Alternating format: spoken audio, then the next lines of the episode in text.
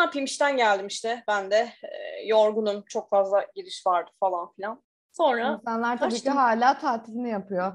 baya baya tatilleri yapıyor. Sanki hani ortalıkta bir Covid yok. Sanki herkesin parası var enteresan bir şekilde hani ama yapıyorlar. Peki müşteri Sezon- profiliniz Türkler mi daha yoğunlukta yoksa turistler mi? Ya o değişiyor. Pandemi öncesi turist çok fazlaydı. Slovak misafirlerle çok ve İngiliz misafirlerle çok çalışıyorduk. Türkler de tabii vardı. Ama pandemiden dolayı tabii biraz daha iç pazara kaydık. Şu an Kıbrıslı var mesela ki Kıbrıslı bizim çok az olurdu. Türkiye'den gelen olurdu ve dediğim gibi işte Slovak vesaire Avrupalı misafir falan oluyordu. Ama şimdi bir tık daha hani Kıbrıs pazarına çalışıyoruz. Gene biraz daha böyle bir Slovaklar geliyor ama çok fazla değil, aşırı değil yani. Kıbrıs açık değil mi şu an herkese yani? Ya uçmak isteyen uçar ama hani adamlar böyle ellerinden böyle bütün zorlukları koymuşlar gelip hani gelmemen için her şeyi yapmışlar. Çift taşın olması gerekiyor. PCR testi yaptırman gerekiyor. Bunların dışında uçak sayısı çok az. Yani eskiden pandemi öncesi her saat uçuş olan yerde şu an sadece günde bir tane hadi maksimum iki tane uçak bulabiliyorsun. Ankara'ya da İstanbul'dan artık nereden gelmeyin modunda adamlar istemiyor ya. Ama şöyle de bir şey var ki Kıbrıs zaten e, turizme çok endeksli. Turizm dışında başka gelirleri yok adamların hani. Bizden Türkiye'den biraz daha yardım vesaire falan filan alıyorlar ama mecbur açmak zorunda kaldılar. İlk zamanlar pandemi olduğu zaman mesela direkt kapattılar. Hani hiç acımadılar. Kapıları kapattılar, işte şeyleri kapattılar, dükkanları vesaireyi falan kapattılar. Ya adamlar ciddi anlamda tam kapanma yaptı ama bir yıl itre kaktıra o tam kapanmayla da iyi hoş bir şekilde idare ettiler ama şu an mesela adamların parası yok ve Türkiye zaten kendine zor bakıyor. Bir şekilde tamam yardım ediyor ama bir yere kadar hani çok fazla şey yapamadığı için mecbur açmak zorunda kaldılar tekrardan. Şimdi gene açıldı ama bundan sonra nasıl olur bilmiyorum. Kışın tekrar kapatırlar mı, kapatmazlar mı bilmiyorum. Umarım kapatmazlar yani. Öyle de bir şeyim yani var. orada pandemiyi ilk defa geçiriyorsun gibi yani. Bir öncekinde yoktun o Yok. zaman orada. vardım. Bir öncekinde tam kapanma zamanı vardım. Bavulları, eşyaları toplayıp da geldim ben. Hani çok enteresandı. Bizim en yoğun sezonumuz olabilirdi pandeminin olduğu yıl. Kışın da normalde biz kongre otelciliğine dönüşüyoruz. Hani yazın tamam resort, tatilcileri alıyoruz falan filan ama kışın da müthiş derecede bir toplantı ve kongre grubu geliyor. Ve o yıl ciddi anlamda bir patlama yaşamıştı bizim otel. Hani adanın en çok kongre şeyini alan biz olmuştuk. Neyse o ay da aynı şekilde çok yoğunuz. Bir haber geliyor önümüzdeki yani 3-4 gün içinde bir kongre daha gelecek ve otel full olacak falan onu bekliyoruz. Bize bir telefon geliyor. İşte Mausa'da tam da yakınımızda bir otelde bir işte Covid vakalı bir Alman misafirle karşılaşıldı ve otel kapandı şu an. Biz bunu duyduktan sonra dedik ki tamam hani sıra muhtemelen diğer otellere gelir. 4-5 saat içinde anında tam kapanmaya dönüştü her şey. Ve bir anda gözümün önünde otelin kapanışını falan seyrettim. Ertesi gün valizlerimi topladım. Çünkü şey havaalanı falan da kapanıyor hani. Ve saçma sapan bir şeye girdik. Herkes halk panik içinde. Öyle Çiçeğim, olunca tabii ben anlatıyorsun da bir es vermek zorundasın kendini tanıtmak için. Ha evet. Selam öncelikle herkese. Sen beni tanıt lütfen. Bir Aa, böyle bir talep de ilk defa geldi. Bugün dostum Simge Aşkan'la beraberim. Merhaba herkese. Ben Kıbrıs'ta çalışıyorum bu arada arkadaşlar. Otel işindeyim. Turizm sektöründe olduğum için bir anda turizmden girdik yani. Aynen. Kendisi benim bayağı eski arkadaşlarımdan bir diğeri. Turizm sektörüyle ilgilenerek bastın gittin Kıbrıs'a kaç senedir? Kıbrıs'a dördüncü yılıma gireceğim işte ya. Yani herhalde 2018'de geldim. 2018 Aralık'ta geldim. İşin enteresan tarafı da Kıbrıs'a öyle bayıldığım da söylenemez yani ama enteresan bir şekilde bu ada beni çekiyor kendine. Uzun zamandır herhalde muhtemelen ölüm, ömrümün sonuna kadar da burada falan yaşayacağım. Öyle gözüküyor yani. Ne onla ne onsuz bir durumun mu oldu? Peki daha önce iş Evet. için gitmeden önce bir Kıbrıs'la şeyin var mıydı? Bağ. Hayır aslında bu benim tamamen ailemin beni zorlamasıyla alakalı bir durum. Ya zorlama demeyelim aslında çok yanlış bir şey olur da annemle babam yılda iki defa üç defa falan Kıbrıs'a gelir çok severler. Özellikle bu kasino olayları tam bizimkilere göre olduğu için bayılıyorlar yani ve turizmci olduğum için annem sürekli bana şey derdi üniversitedeyken. Kızım Kıbrıs'a git bak Türkiye'de ne işin var ya yurt dışı yap ya Kıbrıs yap hani buralarda daha iyi olur falan hani biz de daha rahat geliriz falan kafasında böyle sürekli bir ikna şeyindeydi. Okul bittikten sonra da ben zaten iş ararken hani çok şans eseri hani kariyerde de bu çalıştığım otelin alımını gördüm. E dedim başvurayım hani ama başvurduktan sonra hiç hatırlamıyorum bile yani oteli. unuttum gitti yani. Çok enteresan bir şekilde işe kabulüm oluştu. Ondan sonra işte oradaki müdürüm aradı falan. Hani sıfırdan başladım burada. Call center olarak başladım. Ondan sonra yavaş yavaş işte resepsiyonist, shift lider falan filan derken böyle bir yükselme şeyinde burası bana hayırlı geldi yani öyle de diyebilirim. O şekilde oldu hani ama onun dışında tabii benim asıl istediğim yer İzmir'de. İzmir'e asıl Konuş... istediğini biliyorum ama ona rağmen Çeşme'yi bırakıp da gene buraya geldin yani. Oralara da gelmek istedim. ya evet bir istedim olmadı yani İzmir'de niyeyse Orada başladım, Çeşme'de başladım. Oradan İzmir'e geçtim. Her şey okey, hazır falan filan. Ev tuttum. Çok güzel bir evim falan oldu böyle. Sonra pat İzmir'deki otelin açılışı gecikti. E, gecikince ben hani zaten ev tutmuşum bir kira bilmem ne derdi var. Hani nasıl karşılayacağım bunu? Bir ay kadar hem de bir gecikme oldu. E, öyle olunca benim ekonomim bunu çok kaldırabilecek düzeyde değildi. E, diğer taraftan da hani kal kal diye ısrar edince orayı iptal etmek zorunda kaldım. Sonra buradan bana başka bir teklif geldi Kıbrıs'tan. Hadi gel hani burada resepsiyonist olarak değil de bir üst şeyi şef olarak gel dediler. E, iyi o zaman dedim. Hani kariyer her zaman daha çünkü önemli olduğu için benim yaşadığım yerden çok. E, iyi hadi dedim o zaman geri geleyim buraya falan. Bir sürü şehire zıpladım. O şehirden o şehire falan. En son hani burada şimdilik dikiş tutturdum gibi gözüküyor bilmiyorum yani. Yani peki Kıbrıs bizim aksimize yani geçen yaz tek gelir kaynağı neredeyse olmasına rağmen ekonomik kaygıya düşmeyerek otelleri gene de kapattı mı diyorsun yani? Gene de kapattı. Yaz. Evet tamamen ekonomik kaygıya düşmeyerek çünkü neden ben hani şöyle bir olay anlatayım. Taksiyle gidiyoruz. Kapanmasına da yani ben gene geçen yaz bir, bir ay kadar geldim. Tekrar kapandı. Bir açıldı bir ara bu pandemiden sonra bir buçuk iki ay kadar açık kaldı. Sonra tekrar kapatma kararı aldılar. Tekrar vaka sayısı artınca. Tabii ben bu esnada buradaydım. Takside gidiyorum. Taksiciler bu arada burada çok rahat. Enteresan bir şekilde. Yani buradaki bizim Türkiye'deki taksicilerden çok çok zengin bu arada. Onun da bilgisini vereyim. Adamların bir apartmanı falan var. Abartmıyorum. Ve hiçbir şey amenna yok yani verdiği fiyat çünkü tek ev gibi bir şey. Hani ulaşım da burada çok sıkıntı olduğu için tek hani e, araban yoksa ulaşım şeyin taksidir ve Beğenmiyorsan yürüyerek git kafasında hani hepsi sabit fiyat falan.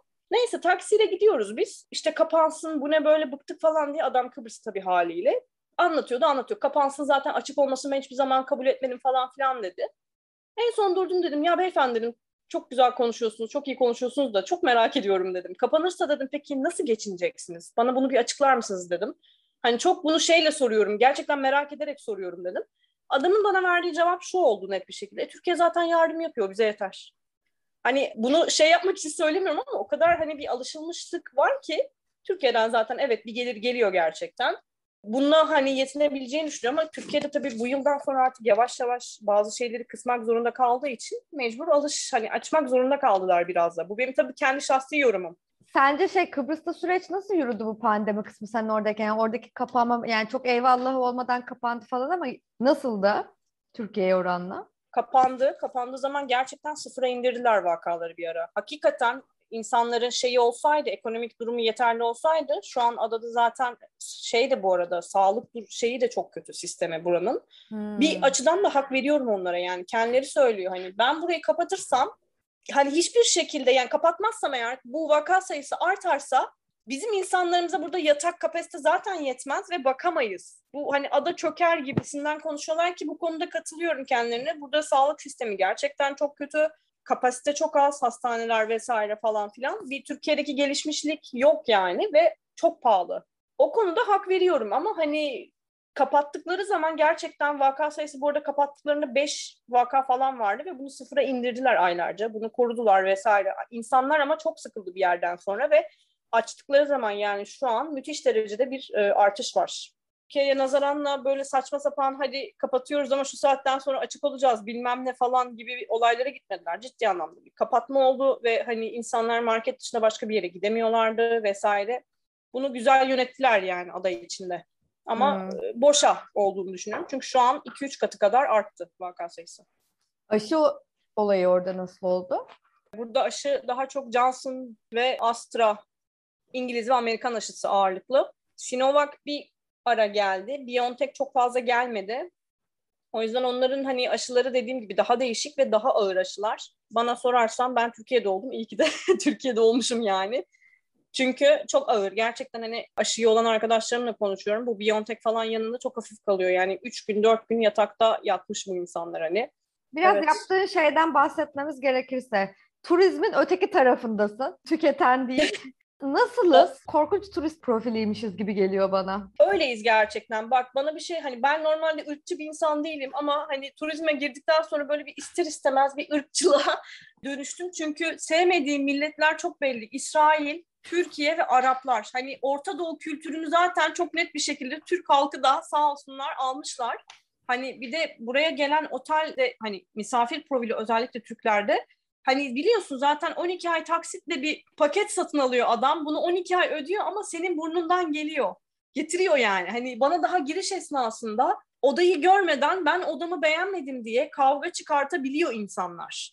Gerçekten sorarsan iğrenç bir şeyiz ya bu konuda. Hani kesinlikle çalışana saygıları yok. Çok büyük bir kesimden bahsediyorum. Çalışana kesinlikle saygıları yok. Bizi hani şeymiş gibi davranıyorlar. Köleymiş gibi böyle hani kurallara kesinlikle uymuyorlar. Hani her otelde, her yerde bu dünya genelinde olan bir şey vardır. Check-out saati 12'dir. Hani bazı yerlerde bir veya iki saat arası bir değişiklik gösterebilir. Adam bunu esnettikçe esnetiyor ve sen oda parası, yarım gün oda parasını istediğin zaman ben bunu hiçbir otelde görmedim. Dünyanın her yerini gezdim gibi böyle saçma sapan bir durum söz konusu ortaya çıkıyor maalesef ya da senle kavga ediyor o parayı vermemek için ama odayı kullandın diyorsun. Olabilir bana bu bilgi verilmedi diyor ama şeyde yazıyor satın aldığın yerde zaten bu yazıyor diyorum. Ben okumadım diyor. E, okumam benim problemim değil ki diyorum. Hayır senin problemin diyor ve bir şekilde ne yapıp ne edip hani artık biz de illallah getirdik lanet olsun deyip almıyor. Ama mesela baş, Avrupalı misafir olduğu zaman, Amerikalı misafir olduğu zaman öyle mi ne kadar borcum diye hani hiç uzatmadan sorup ödeyebiliyor herhangi bir şeyi varsa. Çok bir de bedavacıyız. lanet hmm. olsun.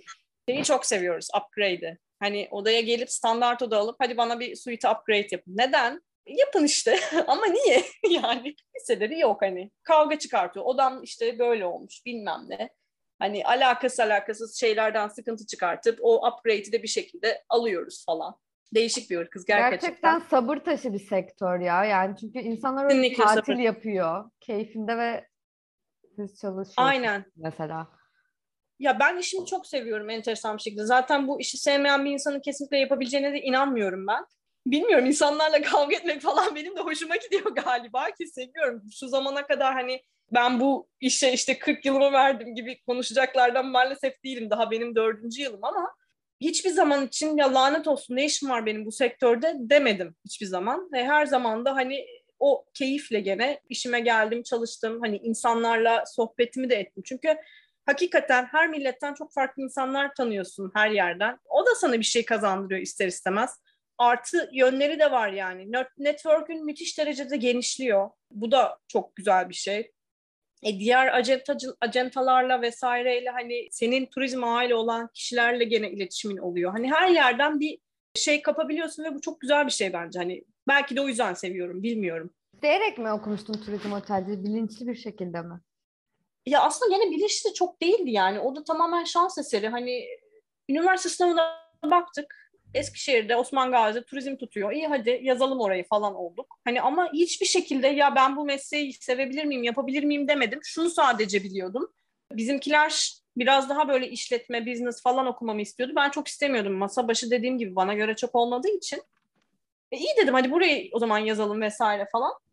E sonra hani okuduktan sonra bir de bizim turizmcilerin zaten bir zorunlu stajı oluyor.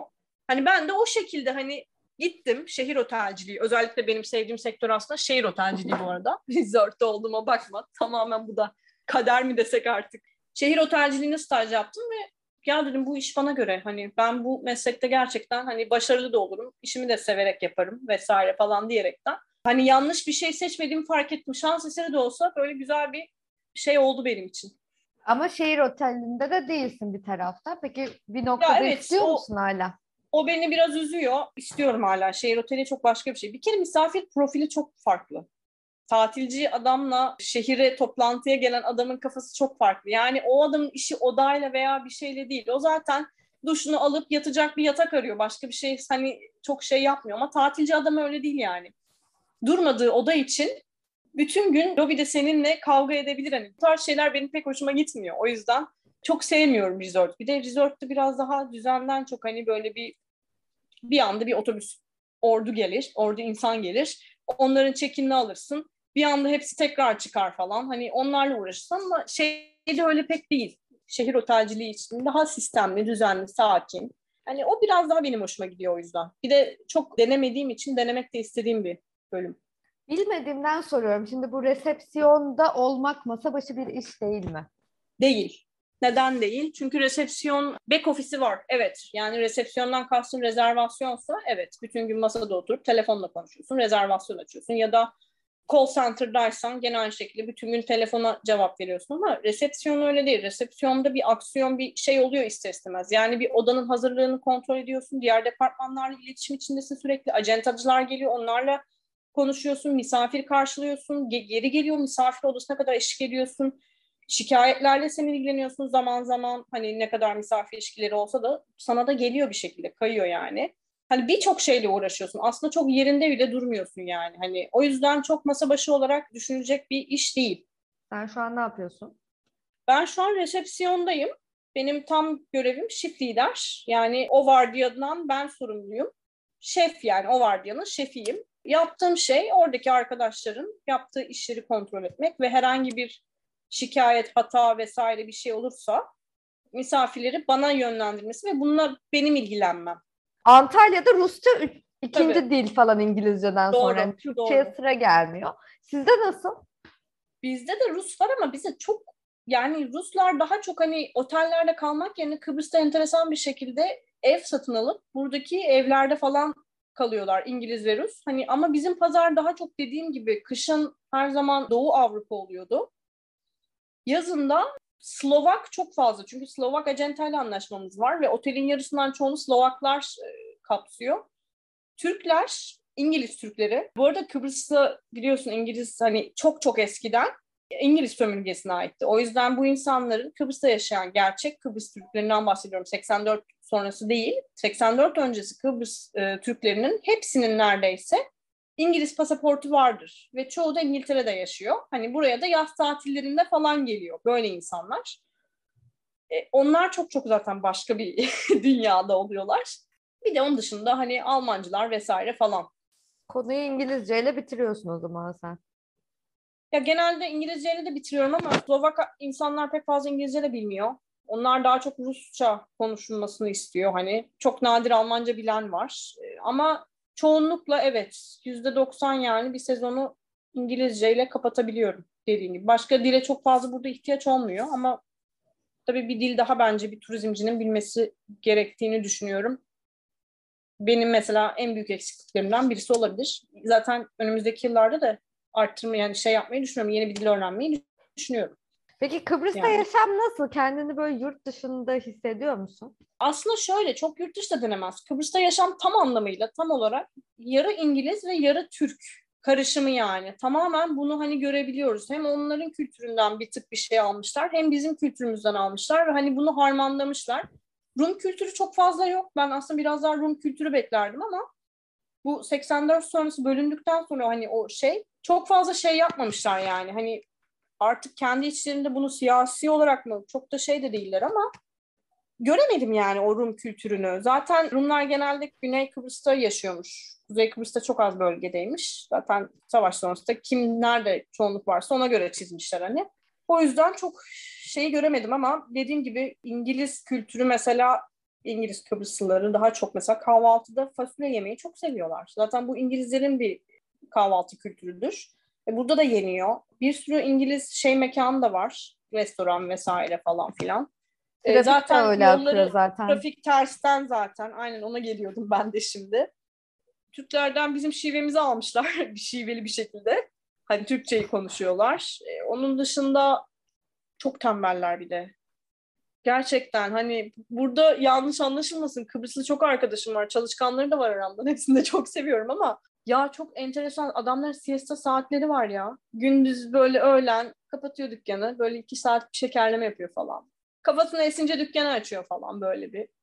öyleler yani çok şeyler hani o Rahat. konuda. Akdeniz insanı. Çok, çok genişler, çok genişler yani. Hani gerçek bir Akdeniz insanı olabilirler hani. Türklerin o Rum kesimine geçiş için vize falan gerekiyor bi- biliyorum. Diğer tarafında geçiş o zor mu öyle? Diğer taraftan geçenler falan var mı diğer yarıda? Var. Rumlar mesela buraya çok kasinoya geliyor kumar oynamaya ve onların herhangi bir sıkıntısı yok yani direkt geçebiliyorlar. Aynı şekilde 84 öncesi yerli Kıbrıslılar da çok rahat bir şekilde kimlik kartını gösterip geçebiliyorlar. Çünkü Avrupa vatandaşı sayılıyorlar ama biz geçemiyoruz hiçbir şekilde. Ben ve benim gibi pasaportuna mühürlü olan kişiler kesinlikle Rum tarafına geçemiyorlar. Onu da belirteyim hani. Buraya gelirken yani pasaportunuzla gelme gibi bir şeyde bulunmayın. Tatilci bile olsanız. O pasaporta çünkü giriş mühürü işlendikten sonra bir daha Yunan adalarına, Yunanistan'a ve Rum kesimine bu şekilde giremiyorsunuz. Vize alınması falan gerekiyor. Hani Schengen alacaksın da o şekilde gireceksin. Aa, banlanıyorsunuz yani. Bilmiyor. Bunu çoğu insan bilmiyor. o yüzden kimlikle Hmm. girin. Herhangi bir sıkıntı olmayacak o zaman. Ben mesela banlıyım şu an dediğim gibi. Giremiyorum hiçbir şekilde. Peki sen çalışıyor olmandan ötürü mü pasaportunu işletmek zorunda kaldın? Tabii benim zorunlu, benim çalışma vizem olduğu için o burada hani kalabilmem için o yüzden zorunlu. Ama tatile gelen bazı mesela bunu bilmeyen insanlar var. Hani pasaportla gireyim diyorlar ama niye hani böyle bir şey yapıyorsun? Ben diyelim kimliğimle Kıbrıs'a geldim. Bir şekilde daha öncesinde vizemi de almıştım. Elimi kolumu sallayarak pasaportu sınırda gösterip geçebiliyor muyum? Hayır, gene geçemiyorsun. Onu anca Avrupa vatandaşları, atıyorum sen Almanya'da yaşıyorsun ve Avrupa vatandaşısın.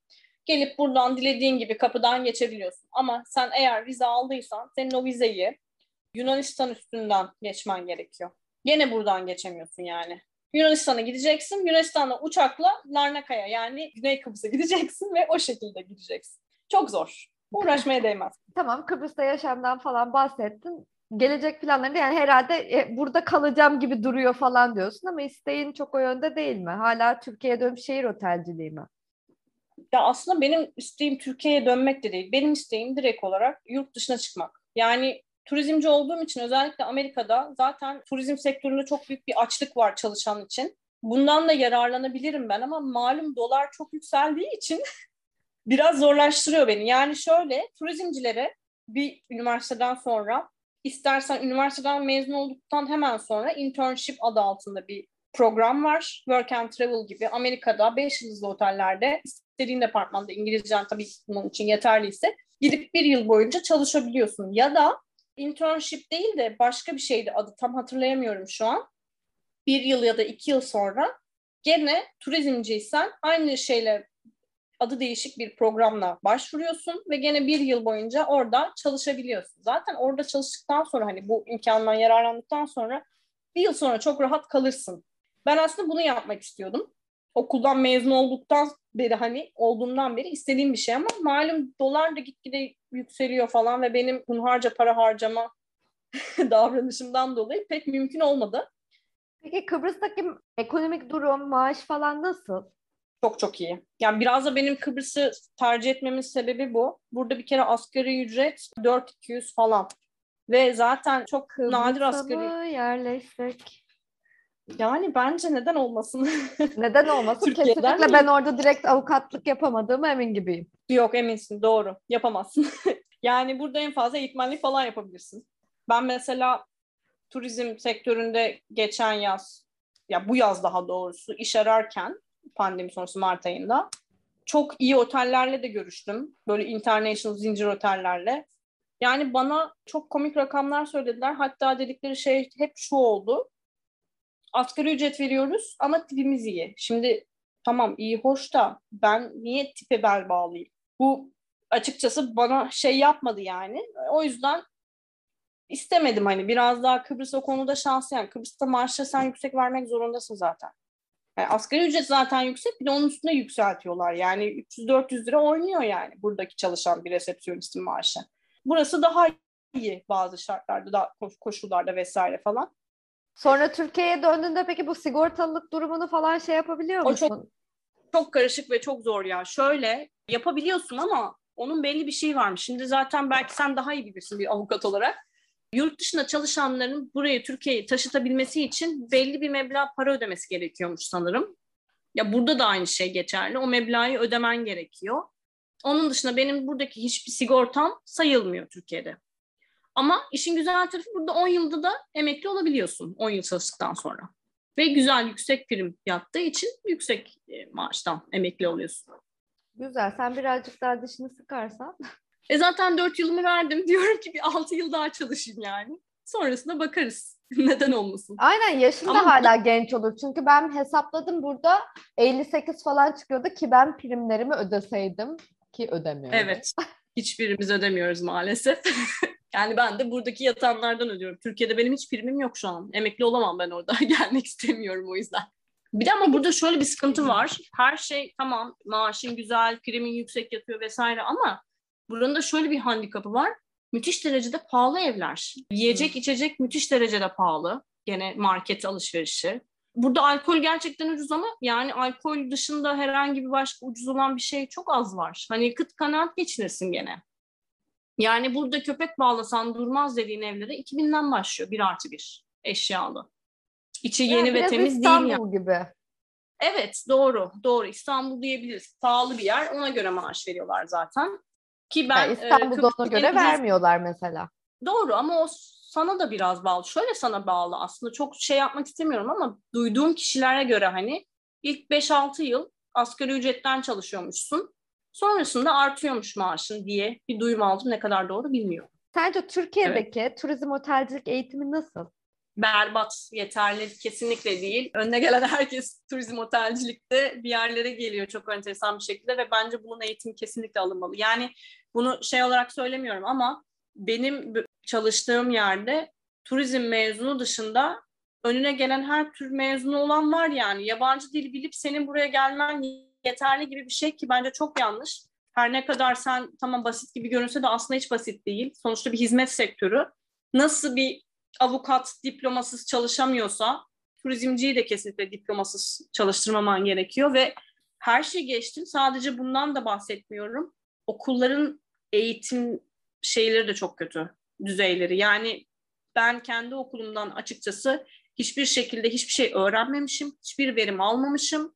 Bana yabancı dil bile öğretmediler. Yani şöyle bizim yabancı dil zorunlu değildi. Sınava bağlıydı. Bir sınava sokuyorlardı hazırlık gibi o sınavı geçersen yabancı dil dersi almak zorunda değilsin. Hani bir de ek olarak işte Almanca, Rusça falan veriyor güya ama hani Almanca zaten hani ne anlattı da ben o Almancayı hani çok kolay bir şekilde geçtim. Bir yıl şey yaptık ve İngilizce dersinden muha, muaftım yani İngilizcem iyi olduğu için. E, o yüzden hani diğer arkadaşlarımın İngilizce bilgisi falan hiçbir şekilde yeterli değildi hani. Eğitim sıfır dediğim gibi. Yani hiçbir şekilde eğitimle alakalı bir şey öğretilmiyordu. Eskiden, çok çok eskiden 90'ların öncesinde turizm otelcilik liselerinde mesela çok güzel şeyler öğretiyorlarmış.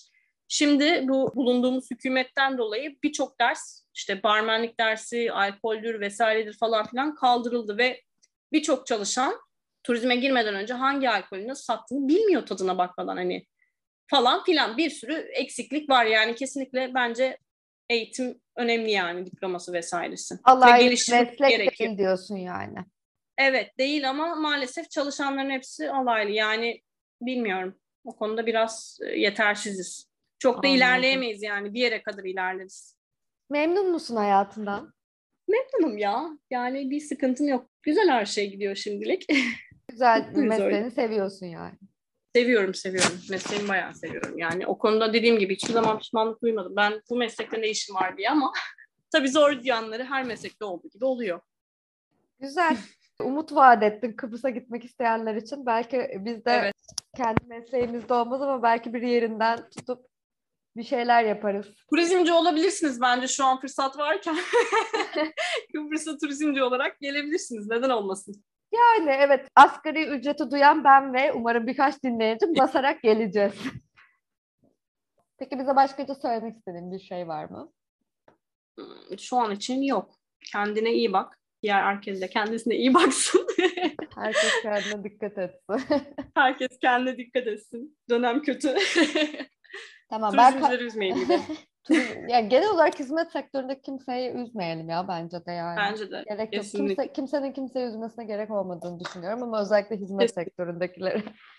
o halde seni öpüyor ve bu kaydı burada kapıyorum. Ben de seni görüşürüz.